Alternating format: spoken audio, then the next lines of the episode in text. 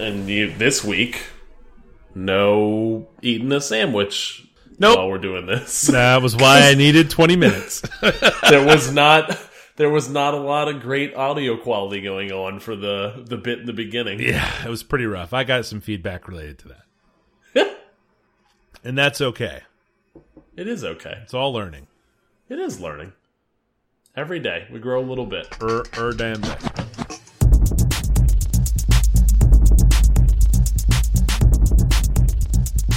This is the Safe As Milk Podcast, where Adam and I get together twice a month to use bad words to talk about things we like. What you drinking? Adam, I'm drinking uh, a beer from the Commonwealth Brewing Company. I like those cans. I love those cans. I'm, I mean, I'm a I'm a longtime can man from way back. Uh, but uh, the Commonwealth Brewing Company from Virginia Beach, Virginia, has brewed. Uh, it's called Mano del Puma. It's a blonde Mexican lager.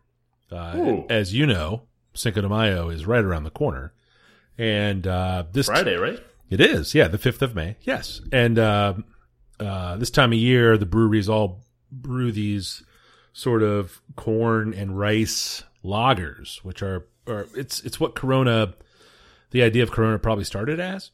Yeah.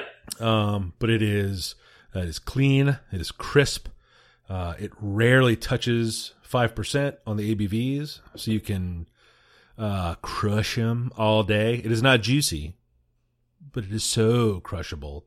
Uh, it is crystal clear, as opposed to the the deep uh, New England haze of the IPAs that we that we've been drinking so many of Frequent. these last few months. Yes, uh, and and I love it. Commonwealth makes great beers all the way across the board. Their IPAs are delicious, the hazy ones and the clear ones. But uh, I enjoy this is this is a seasonal beer I can get behind. nice. What are you drinking? I have in front of me, sir, a three stars brewing out of DC, a Starsky and Dutch. Uh, it is a double Dutch chocolate stout. Oh my! Uh, sw swanging in at 8.3 ABVs. really? Yeah. Uh, hanging out in the 16 ounce tall can. Hmm. And it is pretty tasty. Really? Uh, yeah, the chocolate, the double chocolate, it is a, a very kind of, a rarely found layered and, uh, kind of multifaceted, uh, chocolate stout. A lot of those kind of are one note. yeah. This, this has lots of notes and those notes, notes are not chocolate. They are kind of almost complex dark chocolate stuff going on in like the end. It's pretty good. That's kind of cool. Now I've never heard of this brewery. Are they new or are they? Hard to say. Yeah. I uh I have no I have no statement on that one. Uh, dear listeners, if you'd like to learn more about Three Stars Brewing, go to Google. Google it. But if what you want to do is reach out to us, Adam and Mike, the Safe As Milk Podcast on social media, there's a couple of ways you can get to us. The first is our Twitter account, which is at underscore safe as milk. And the other is our Instagram feed, which is at safe as milk podcast. It occurred to me the other day that we should probably try to have those the same. Yeah, that's true. Yeah. Yeah. That's, that's a, it's a minor branding exercise that we could participate in. Yeah. Um, show notes for this episode Oh, yeah, show notes. Tell us about them. are at uh, safeasmilk.fireside.fm slash 58 or 058. There's 058, yes. Uh, but go there and you'll uh, see links to the things that we talk about. And Mike, before we kick off uh, with follow up this week, Yes. uh, a note for next episode. Yes. Episode 59, we'll be returning to the shared topic format. Uh, we're going to hit two topics. So, getting out ahead of this so folks can potentially consume the stuff that we're going to talk about before we do. Well, when we talk about them, we we're we're spoiling everything. So if what you want to do is listen to us talk about something, this is us giving you a chance to make sure that you know what we're going to talk about, so the spoilers don't ruin it for you. Absolutely. And Mike, uh, tell tell us about the first topic. Uh, Popstar, Never Stop Stopping. Uh, the Lonely Island is a sort of comedy group. Uh, they had a movie come out last year. This is that. And Which the- I totally forgot about until you brought this up as a as a topic. oh yes, But I really wanted to see it when I heard about it because I like those guys. I like those guys very much, but I was like, that is probably as funny as the Austin Powers sequel, which was not very funny. Oh, But I like those guys, and then I've been hearing a lot of things about what a what a on the nose, funny, charming film it is, and I'm like, that would be a good thing for Adam and I to watch because I can guarantee you he hasn't seen it, and you haven't. I have not, and I'm, I still have not. I will before we record next, Yes, but uh, I'm having a hard time uh, putting my finger on how I'm going to watch this thing. well, you know, here in the future, there's lots of different ways you can watch. There it. are, and I will find one of those ways, and I will listen. I believe in you. Uh, the second one is uh, a comic that you brought to the show probably more than a year ago now. It's been a little while. Yeah, uh, Paper Girls. Uh, yeah, we are both. Uh, I am mostly caught up. There might be a new one out since I last went out and bought books. I'm not all the way caught up. You're gonna get caught up, and we're gonna kind of talk about uh, the first what 11, 12 books. How many there are? I think they're up to number 12. Yep, there's at least Yeah. one trade out. Uh, it's an image comic. Uh, I'm sure they have an app to to read them if you haven't seen them. Obviously, They absolutely do. Yeah. yeah. Yep. Uh, but yeah, uh, we're going to talk about Paper Girls to date and uh, Popstar Never Stop Stopping. Cool. Uh, that leads us right into follow up, Adam. Uh, I'm going to go first if that's cool. Go get it. Uh, one of the things that we recommended uh, a couple episodes ago was the Breakaway podcast. It was the CNN Sports Illustrated NBA, uh, This American Life style deep dive into uh, a handful of the many facets of professional basketball. Uh, the season is done. Uh, it was the last episode was terrific. Uh, Joe Johnson uh, was the focus there as sort of the uh, the veteran, uh, the long the long time NBA vet who has to transform his game to stay relevant and engaged, and uh, uh, his, uh, the team he's currently plays for the Utah Jazz are you know uh, advanced to the second round of the playoffs this season, and because solely because of hearing his story and hearing him talk about uh, what his game had to do and become, I'm, I'm I'm paying attention to the Utah Jazz, which is uh, Not a sentence you thought you'd ever say. I, I mean it as a compliment, but uh, yeah, very exciting, very exciting. Uh, looking forward to more when the new season starts. Um, uh, we will, without a doubt, talk about it. Um, for sure. yep. I've been I've been recommending uh, outside of this podcast to to you know a anybody who I know who enjoys the NBA. I've been recommending this podcast. Yep. Um, I, I like it a ton, and yeah, ISO Joe had an amazing series against the Clips, He really did. and now his team is uh, slated for uh, the chopping block with the Warriors. Total okay. demolition. Total demolition. You know, the Warriors are just an exception to the rule. I mean, you can't you can't get near them. They're the the class of the league without question. Yep. Um, uh, what do- what do you have there? Uh, I have just uh, some follow up on kind of my. I've talked about the EPL. I've talked about getting into soccer and La Liga and all that stuff. Mhm. Uh, I uh, had the occasion to uh, take a trip this past Sunday, and there were two games on that I wanted to watch or listen or watch rather. The Chelsea game and the Tottenham Hotspur uh, game were back to back games Sunday morning, but we were going to be in the car. So at the bagel shop uh, before we got on the road, Bagels. I was like, there's gotta be a way to listen to the games on the radio. And uh, discovered Talk Sport, uh, I, an iOS and I assume Android app uh, that uh, lets you tune in through your cell connection and listen to live coverage of the game. no way. And listened in the car to all of the Chelsea game and uh, a clip of the the Spur game. And it was really, really good. It was a great experience. No, no lag, no dropout, no nothing. Uh, it was just like tuning into the radio in the car. That's awesome. I've never heard of that. Uh, no commercials either. so- just like watching on uh Oh, wow. TV. Yeah. yeah. So like uh, com uh, commercial free until the half, and then they just ran commercials all through the half. I wonder what that's like listening to a soccer match on the radio. Huh. I It was really great. It was really great. Actually, Yeah. I liked it a lot. huh. You know, I've listened to football games, listened to a lot of baseball games on the radio, so I don't need, you know, like I, I understand a slow paced game being explained to me, but uh, that would be strange. I'm gonna have to try that out. Huh. They did a lot of great like uh we kind of got the in, within like in you know the first half hour of listening uh my wife and I who were both listening kind of got the what the ebb and flow would be like it was when the ball's in the midfield and there's just like possession trading hands Yeah. and there's no fear of either team scoring or Mhm. breaking or anything like that. Yeah. They're doing a lot of that like color Yeah. commentary talking about players and the league and interesting storylines that have occurred across the season. And then all of a sudden they transition into this like, now there's offense about to happen and everything is just pure energy and excitement as the ball goes towards the, uh, like moves towards the goal. And then they, you know, give you the result and then kind of flow as the, if the ball gets cleared, kind of flow back into that, uh, color commentary piece. And it kind of goes back and forth and it was really entertaining. That's awesome. Huh. I'm gonna I'm gonna look well, you know, the games the times the games are on usually coincide pretty nicely for when I'm in the house. Um, but being on the road, that would be that's good to know. Thank you very much for that. Um, the only other follow up item I had is the uh, about the idea, the concept of follow up in a podcast. Uh, John Siracusa, who is a, a podcaster on a number of uh, very popular podcasts, uh, came up with the idea, like created the idea of, hey, we talked about this last time, uh, like coined the term follow up for talking about this thing that you talked about last time. And, uh, I have new information or I have different information or, you know, here's the thing I screwed up and I want to clarify.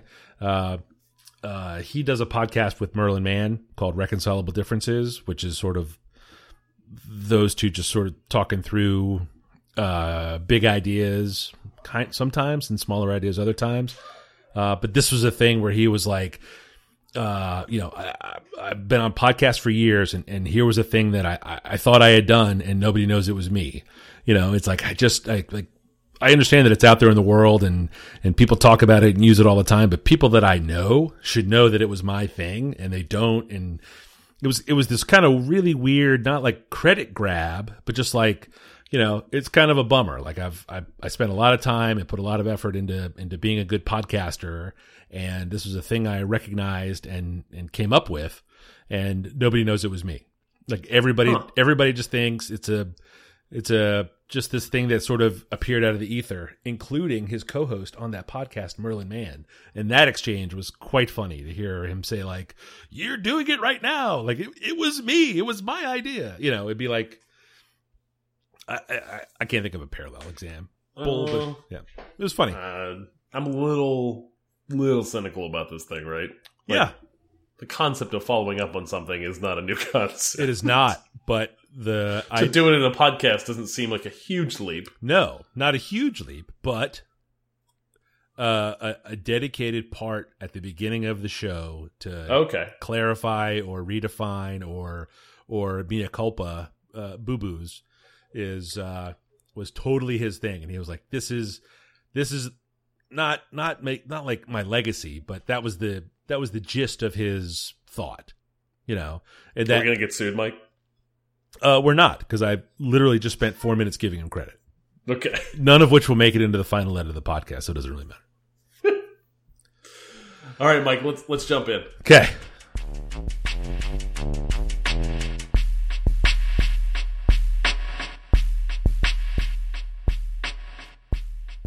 Does that mean me first? Uh, yeah, yeah. This will be a quick be. one. Yeah, you go first. This will be this will be quick. This will be quick. Zelda, Mike. Mmm, There's nothing quick about Zelda. Mm, mm. Have you played a Zelda game, Mike? I sh- surely I spent seven to twelve minutes with OG Zelda on the NES. Seven to twelve. I feel like I spent a lifetime on OG Zelda. Not for me, man. Not for me. really? Yeah. That was a, a big part of my my childhood. The gold the gold cartridge Uh, and trying trying to solve it. yeah. Nope. Definitely not for me. Hmm. Well, Mike, Zelda has come a long way since the NES, and I have played a large majority of those games.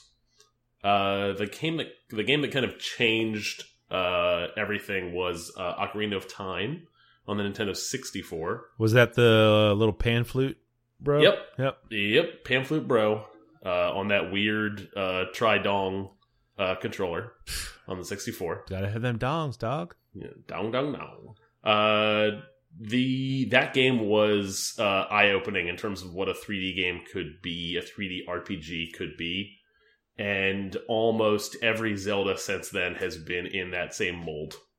Uh, Nintendo has kind of been stale in terms of their innovation. They've had some high notes, um, uh, but but largely they haven't changed the formula. Uh, this game breaks the formula entirely. Uh, is a game, uh, Zelda Legend of Zelda: Breath of the Wild came out for uh, came alongside the Switch launch, which had me kind of intrigued in the Switch until I realized that this game was also coming to the Wii U, which we have owned for a year plus now, and is not getting a lot of use now. Um, now that we have a PS4, but uh, Zelda is kind of the last the last ride for the Wii U. Uh, we might hang it up and you know sell it for parts uh, post this game, but this game is far and away my favorite game so far this year, and I'm having a hard time figuring out what game's going to be better than it this year because it is fantastic. Uh, I mean, is, is there a new Mario Kart yet for the Switch? There is not going to be a new Mario Kart. They have re-released Mario Kart 8 for the Wii U with additional content. So so far, this is the only game to get the Switch for.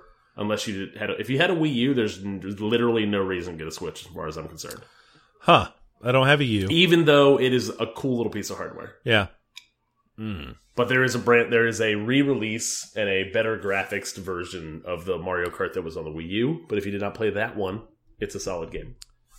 Uh, I did not, and I like the idea of the handheld Nintendo games, like it's kind of musties on the Nintendo stuff. Um, Interesting. I don't really. What have you have you owned Game Boys? Uh, I had a DS. Oh, okay. So did I. And I played the shit out of it. I played. DS the, is a great little system. What's the crazy Japanese lawyer game? Phoenix Wright. Phoenix Wright. Yeah. Played that a bunch. Uh, what was the dance? The tap tap.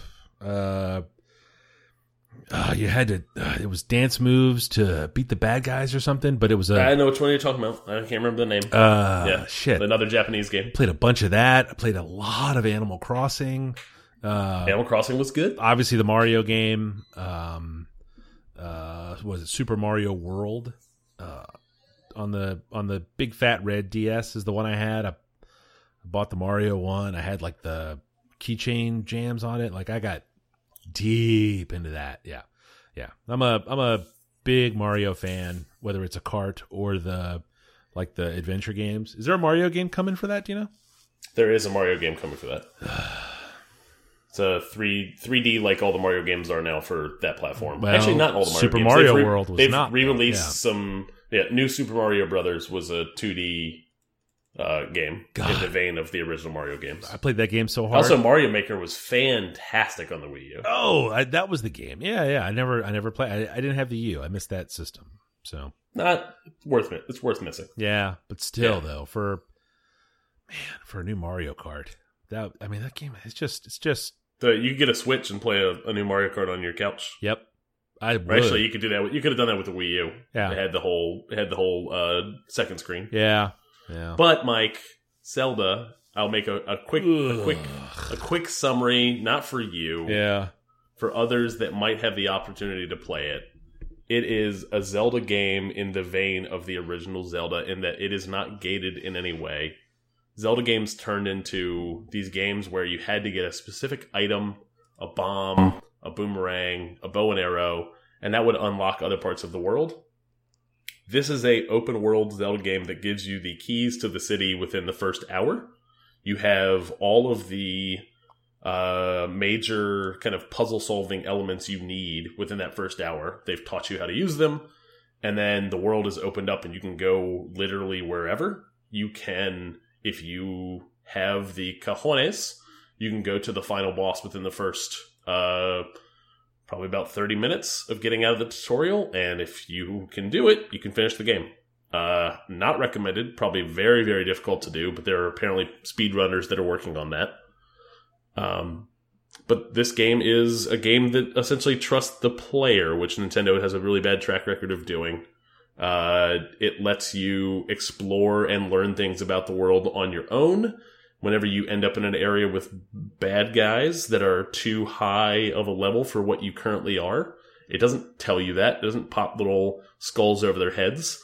You fight them and find out and die. And you leave that area and come back another day when you're stronger. Um, it's it's a big departure from what Nintendo has done in the past. It fe it does not feel like a Nintendo game, which is kind of cool. Did you fall asleep, Mike? I did. I did. I dozed off briefly. uh, I I didn't realize you you you had just just this deep boiling Zelda hate in you. I, it's not hate. It's just totally This indifference. seems like hate, Mike. yeah, like that was the original game where you had to juggle your inventory, and I was just like, ah, dude, I, I got a D pad and two buttons. Like this is taking too long to. But how? So, to be fair, what age are we talking about for this? I mean, when did Zelda come out? When I was twelve. When I would have had nothing but hours of time to spend learning the intricacies of a of a well, it probably was an eight bit, might have been sixteen bit video game. Like there NES was Zelda, NES Zelda, nineteen eighty five. oh fuck that, I was thirteen. I, I had no time for that shit. No, no, I was was too old. I was playing track and field. I you was were too old uh, to be captivated. I was speed running Mario Brothers. Actually, I 1986. You were 14. I was in high school. Yeah, you were you were learning how to jerk off. You weren't worried about Zelda. I was pretty good at it by then. Oh, okay. You're a seasoned vet. you were the Joe Johnson of jerk. I'm not saying I was switching hands. I'm just saying Okay. that you know. They called you ISO Mike. Where's the bell? There you are. All right. My So- number one this week. yes.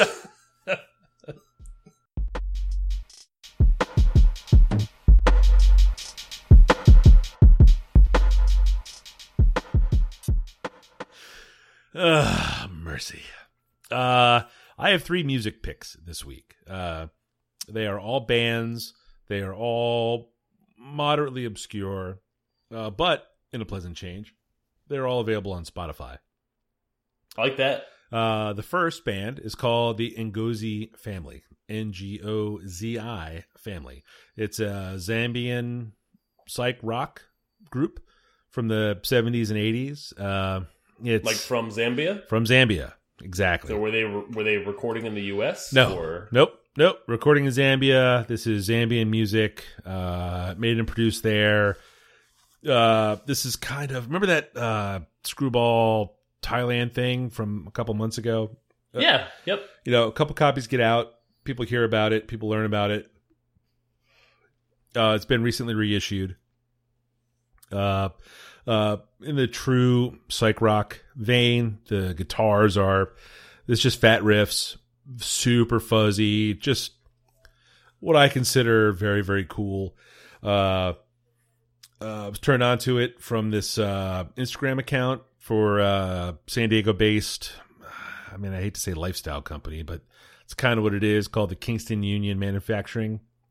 Uh, uh, Mario Rubalcaba is the is their sort of music guy, uh, who's a is a big name in di- different bands. Uh, Rock, he was the drummer for Rocket from the Crypt. He is uh, Hey, I know that band. in this band called Earthless. Exactly. He's uh he's just a cool guy with killer taste in music, and because he's been all over the world, he's been exposed to lots of just kind of really different and very cool things. Um, this is one of them. It's in see. I don't know if you've uh, listened to rock rock and roll, which is a very American thing, uh, created and and, and uh, produced in foreign countries. Some of them sort of completely removed from America, except for rock and roll. And this Zambian psych fits that role.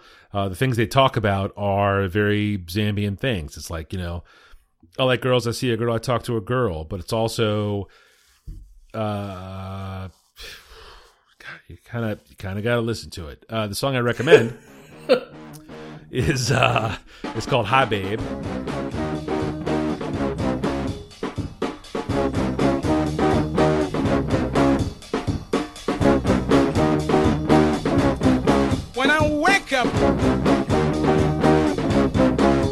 Morning, I get some places. I meet some girl.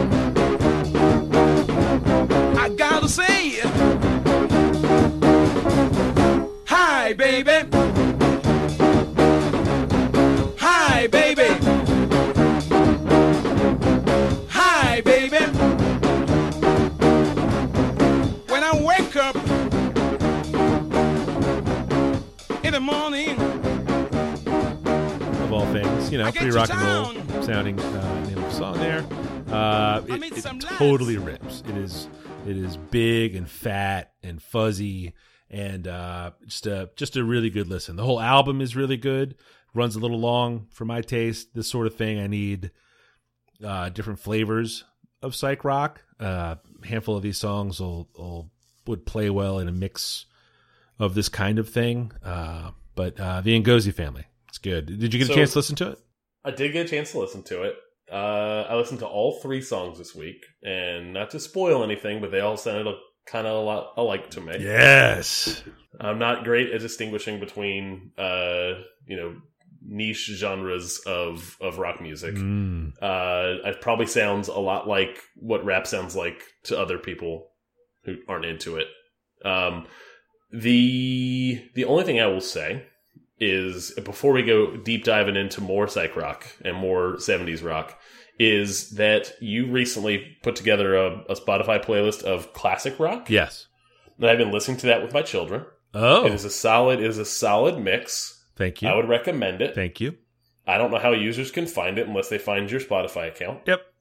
Um, I would recommend one, a better name for the playlist. Yep. And two, maybe maybe your next project is a psych rock playlist. It could be. It could be. All right. That's that's not bad. That's not a bad recommendation. I'll take that. Um, you know, I'm not I'm not trying to do homework. I have to watch a whole movie and and, and read a bunch of comics. But uh, uh, it's been it's it's it's been in play. Like I've, I've been thinking about it. It's uh, it's pretty cool. You know, uh, for stuff like this, it's like you know, if I found it from somebody, then I feel like everybody's heard it. You know, and I'm like, what's the what's the use of me putting a playlist together because. I So I'm the so end I- user, but I, I forget that I'm a little upstream for this kind of thing than a lot of people. are. I will also say that like I put together the rap playlist that I put together not because I wanted to be like, "Hey, guess what, guys? I cur- I curated this great list. Everyone should listen to it." I'm a tastemaker. Yeah, exactly. I put it I put it together for me. yeah, Like here's here's the 100 plus rap songs that I want to listen to. I- Every time I get in the car, I just want to hit the shuffle button and I want to add to this list, you know, slowly as I find new stuff. yep. Uh, yeah. So if if you know, if the cyclist, if, if it's not for you for a psych rock list, don't do it. It would be for me. It would be for me. What, what's, There you go. Yeah, and that's uh that's my number one. What what do you have there for number two?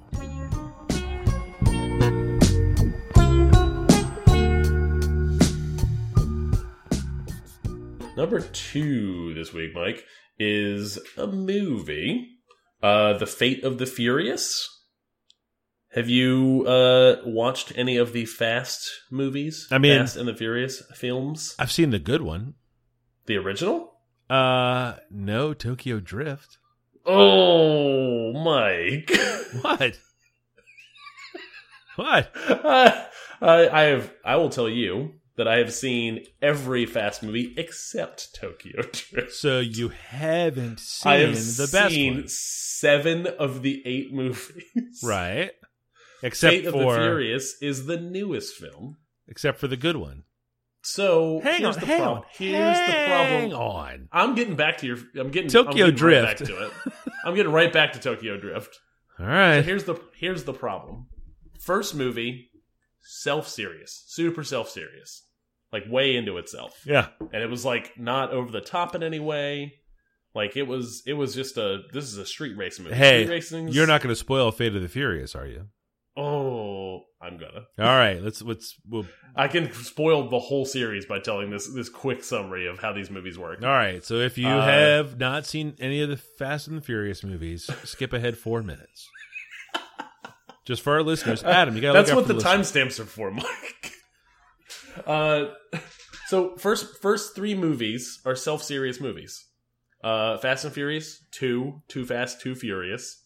Yeah. Uh, uh, Tokyo Drift is also a, a self serious movie. yeah. and then and then whenever they they finally departed from that with Fast Four, um, which is not called Fast Four. I don't remember what it's called. Fast Five is the only one that has the actual five in it. Mhm. Um, they departed from that and decided they were going to lean into how ridiculous they were, Right. and it changed the genre to or the whatever this film these films are to become uh, poorly written but almost on purpose, poorly acted but also on purpose, all in the service of incredibly over the top action movie like stunt stuff Now, and do lots they of CGI. do they really jump a submarine in this movie? Uh, yes, they do. No, but I mean like the submarine jumps over something. Oh, no, no, no. The submarine, just, a car jumps over a submarine. Ah, it's kind of a letdown.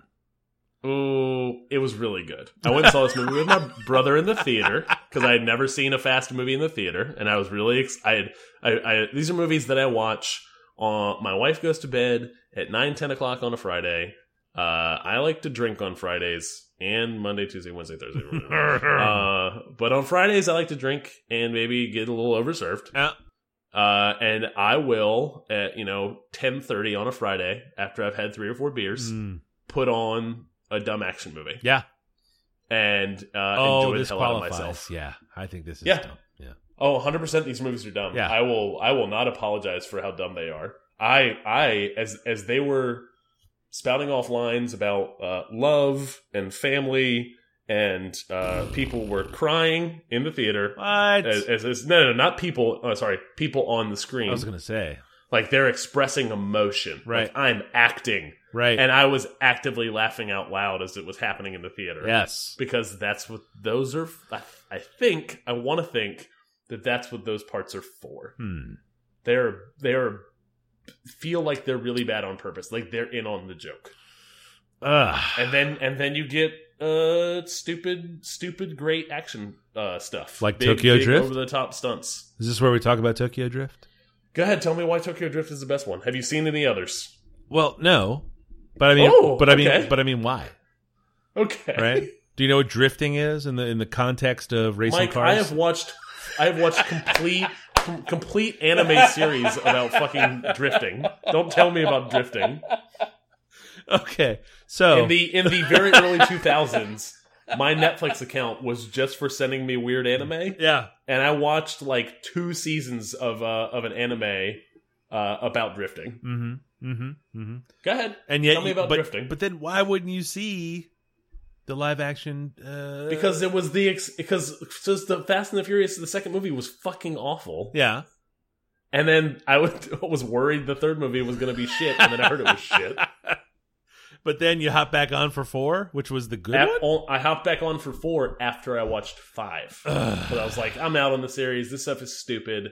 And then I heard, uh, I heard people talking. I heard some buzz about five and about how it was just they had gone away from all the self serious stuff and just leaned into the ridiculous stuff. So I was like, eh, I'm drunk on a Friday. Ah, Five. Right. Watch five. Watch four. And then now I'm excited about everyone that comes out. all right, all right. I guess Lil Bow Wow's presence in Tokyo Drift has no bearing on your. I think he dropped the little at some point. I think he just became Bow Wow. He's always Lil Bow Wow to me. Okay, okay. In your heart. in my heart, in my my front heart. but I, I'm gonna let it go. All right, Fate, Okay. Fate, Fate of the Furious. You know, uh, Fate of the Furious. um, given my, Wouldn't be the movie. Wouldn't be the movie I'd start with. uh, I would say start with four. pretty sure you should start if, at the beginning. The, it's a very good place to start. Mm, And the beginning is the third one, and ends at the third one. Uh, no, no, no, no. At the beginning, Fast and the Furious. It's like, wh- wh- who are these people? What are they doing? Where do they come from? Why are they a family? Tell me about Dom. Tell me about Dom. Michelle Rodriguez, as I understand, is featured prominently in these films. She is indeed. Well, that's reason enough. I mean, that's They had a they had a whole plot line where she supposedly died and then came back to life. so you're totally spoiling it completely now. Hundred percent. Well, We did tell she people. was she was in a film, Mm, then not in the films, Oh. and then came back somehow. yes, maybe she was at the store.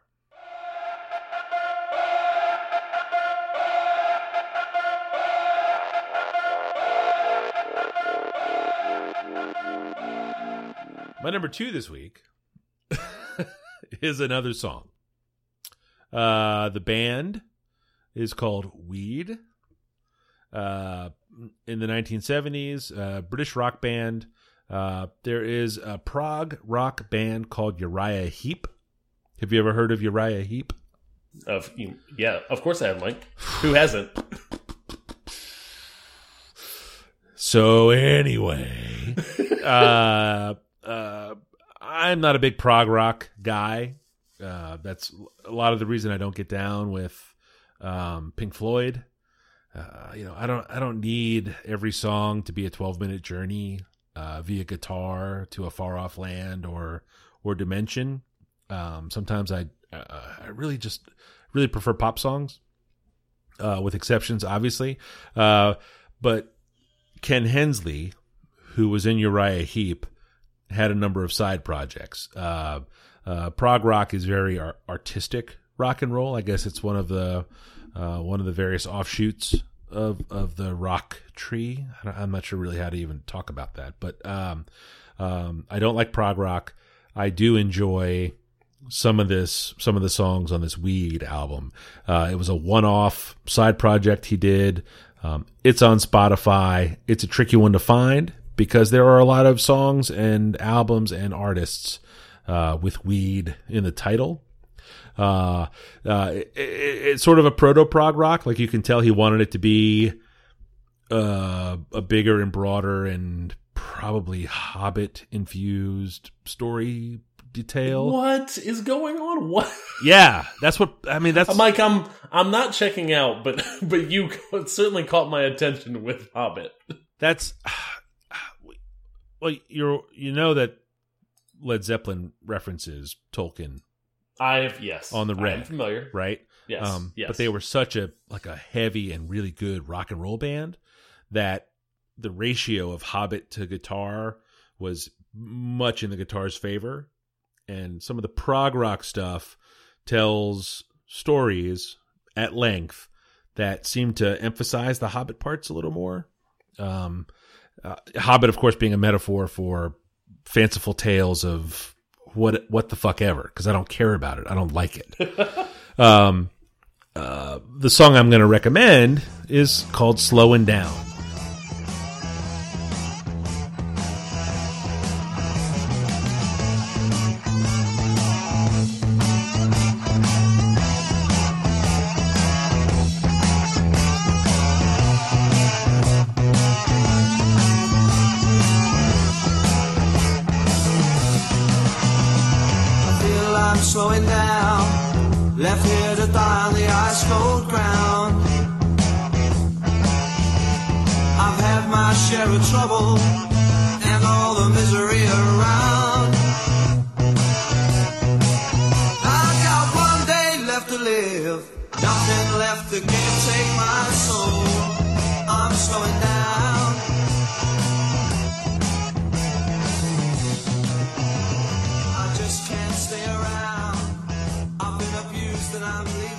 This is uh, definitely like a blues boogie kind of thing that uh, definitely speaks to that classic rock playlist obsession of mine over the last couple of months that we that you just talked about earlier.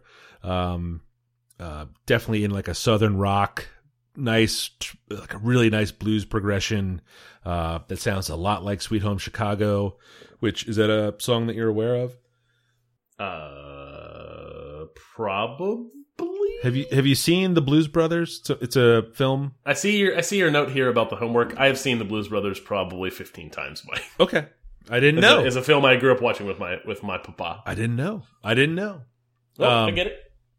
But this song sounds a lot like that song. But again, it's a standard blues riff. It's not like it's a it's a rip off or a plagiarism or anything like that. And um, um, I like it. It's good. There'll be a link to it in the show notes. Cool.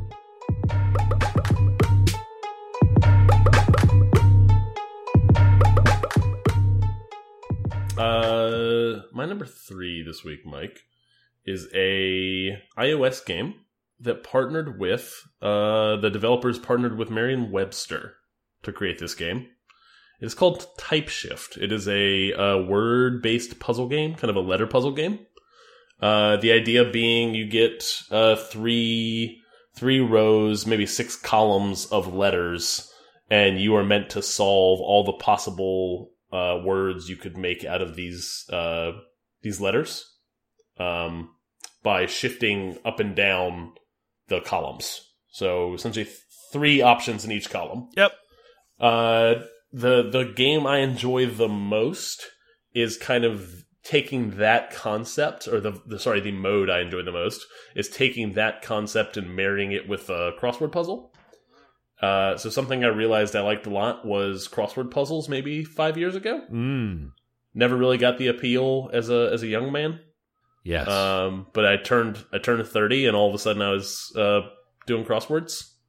Uh, and and where I where I did that the most was in the New York Times uh, app, uh, playing the little mini crossword puzzles. Uh, their daily their daily mini crossword puzzles that maybe took between two and five minutes. Will Shortz. Does Will Shortz Yeah. do those? I do not know. if he Oh, he's the puzzle master. Yeah.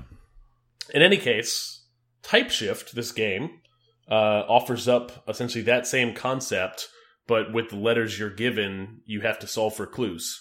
So you put the you, you take the letter combination that you've come up with for you know a specific word, and then you click on the clue to confirm that that's the one you think is the answer. Um, so mixing those two styles, a kind of uh, a hybrid uh, play on uh, crossword, has been really entertaining. Now is that an, It's a it's a nice uh, potty game. is that a it's a it's a actually it's a wonderful potty game. Is that a mode in the game? I haven't explored anything other than the The base mode, yeah. like the regular, yeah. So it is a mode in the game. Yeah, there are. It's a free to play game, Yep. but you buy you can buy puzzle packs if you want to do more. Yeah. So it is a uh, there. It's the word puzzle mode in the game. Oh man. Um, and I like the base game too. Uh, it's just uh, it's a little brain teaser. It's a little. I, I'm enjoying the last game. I think I brought for the iOS was um, really bad chess. So a chess game and a crossword game. I think that TypeShift is a terrific game.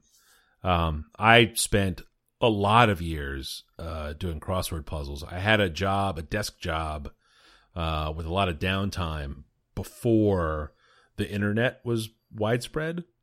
Yeah. So Ooh, I what would- do you do with well, you- what do you do all day? I tell you, you do a lot of fucking crossword puzzles, is what you do. um, I did a lot of crossword puzzles every week. Um, our local paper has a hard one and an easy one.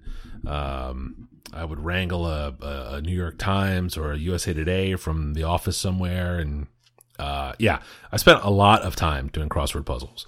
And this is, uh, but once the internet came in, it all kind of went away. And and doing a crossword puzzle on the internet is a lame experience, frankly. it is, but I like it on the phone. Um, I'm gonna try that game mode and see and see how it shakes. Um, I was I was very close to. The New York Times has like their full crossword puzzle uh, app where you can do like a full on, like a, a big boy crossword puzzle on your phone every day. oh yeah, Um, but it's a paid deal, Oh. and I, I wasn't.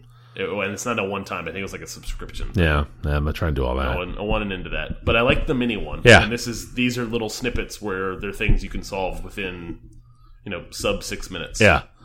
Oh yeah. Like the easy levels though. I'm only into the, I guess medium levels, the intermediate levels. So my my win times on the normal mode are stretching out to, well, you know, two minutes in some cases. But the uh, it was fun on some of the easy levels to just see how fast you can find the words to close the level, and uh, yeah, it's good. It's a it's a fun game. I would recommend it for sure. cool.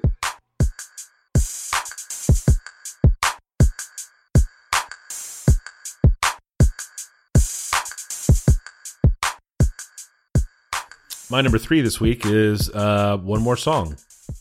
Uh, the band is called Bang. They are uh, from Philadelphia in the 1970s. Uh, again, just in this uh, big fat chords, riffs, guitar, rock and roll kind of vein. Um, uh, not as fuzzy, say, as the Ngozi family or Weed, but still quality guitar work. Uh, Black Sabbath would be the the more popular band that you would use as a, a reference point um, to to identify their sound. Uh, it's not metal, you know. It's not.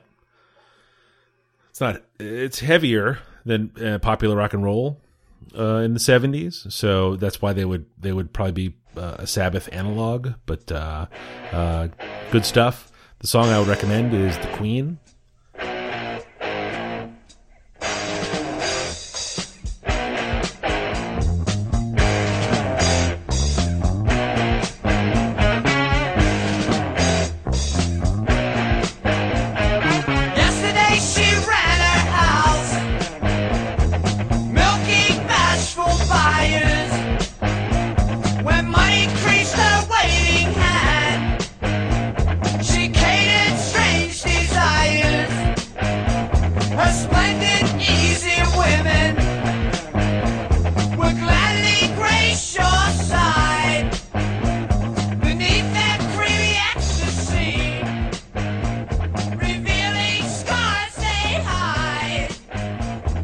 It's a just a good bluesy rock and roll.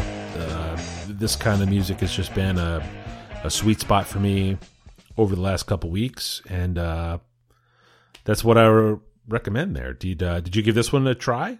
I, I did, but I I feel like I feel like a child when listening to rock music. Like it all just kind of sounds the same. yeah. It's just lack. I think it's just lack of reps. It's just I stopped listening to to rock music, uh, like proper rock music when I was in middle school, right. and then kind of got into like punk uh, when I was in like late high school and all through college. Um, so I have appreciation for like variation of punk, but not like anything beyond that in Right. rock genre. Yeah. Yeah. Yeah. Nope. I hear where you're coming from. Uh, I mean, this is this is the PS4 problem that we've talked about. it certainly is. It's like I don't I don't even know what that controller feels like. You know, like I haven't had a PlayStation since the PlayStation One. Yep. So, and even then, I bought it used and I owned it for a year. Like it's not just uh, just no frame of reference for what it sounds like. But these are these are killer songs. Like if you like guitar music, uh, you could do a lot worse than these three. Yep. Then our, who, everybody's listening is going to get to hear them. Yay! Can you hear that? That's what quality sounds like. Uh, Adam, Yo, if someone wanted to find uh, what you do on the internet that's not this podcast, where do they look? sure. I'm at Rec36 on Twitter, and I am at 180 Lunches on Instagram, where I draw four days a week. Nice. I'm sorry about your Copic loss. Oh, it's a bummer. Yeah, I'm trying to figure out if I, uh, how I go buy a new one without spending a ton of money on the internet. Yeah, ugh. the singles Yeah. they're tricky. I got I got all of mine through uh, going to craft stores here in town. yeah. and using using their universal fifty percent off coupons to buy them super cheap. Yay! Yeah. Have you Mike. thought about drawing uh, home Homestar Runner characters? Have you done those? Ooh, I like that. I also like ideas about what I should draw because uh, I am two. I am approaching three years into this experiment, Yeah. and I am running out of ideas. Yeah, I think. Uh, I don't know if you take requests, but I think the Homestar Runner catalog or the Homestar Runner cast would be uh, nice. I have to it. draw tonight, Mike. I think that's coming up. Yep, yep. Uh, you should start with Bub. I, I'm just putting that out there. Just putting that out there. Mike, if people want to find you, where do they find you? I'm Falfa, F A L F A everywhere, uh, on the tweets, on the Instagrams, and I'm uh, at falfa.com. Uh, thank you very much for listening. Yeah.